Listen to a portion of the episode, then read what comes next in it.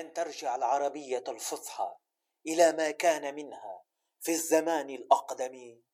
ما لم يعد ذاك الزمان وأهله والعاد والأخلاق حتى جرهم للجاهلي لسانه ومن الذي ينفي من الفصحى لسان مخضرم. في مثل هذا اليوم الثامن عشر ديسمبر من كل سنة يحتفل العالم باليوم العالمي للغة العربية. تم تحديده من طرف منظمة الأمم المتحدة احتفاء باللغة العربية في عام 2010 للاحتفال بالتعددية اللغوية والتنوع الثقافي وكذلك لتعزيز الاستخدام المتكافئ لجميع اللغات الرسمية في جميع أنحاء فروع منظمتها.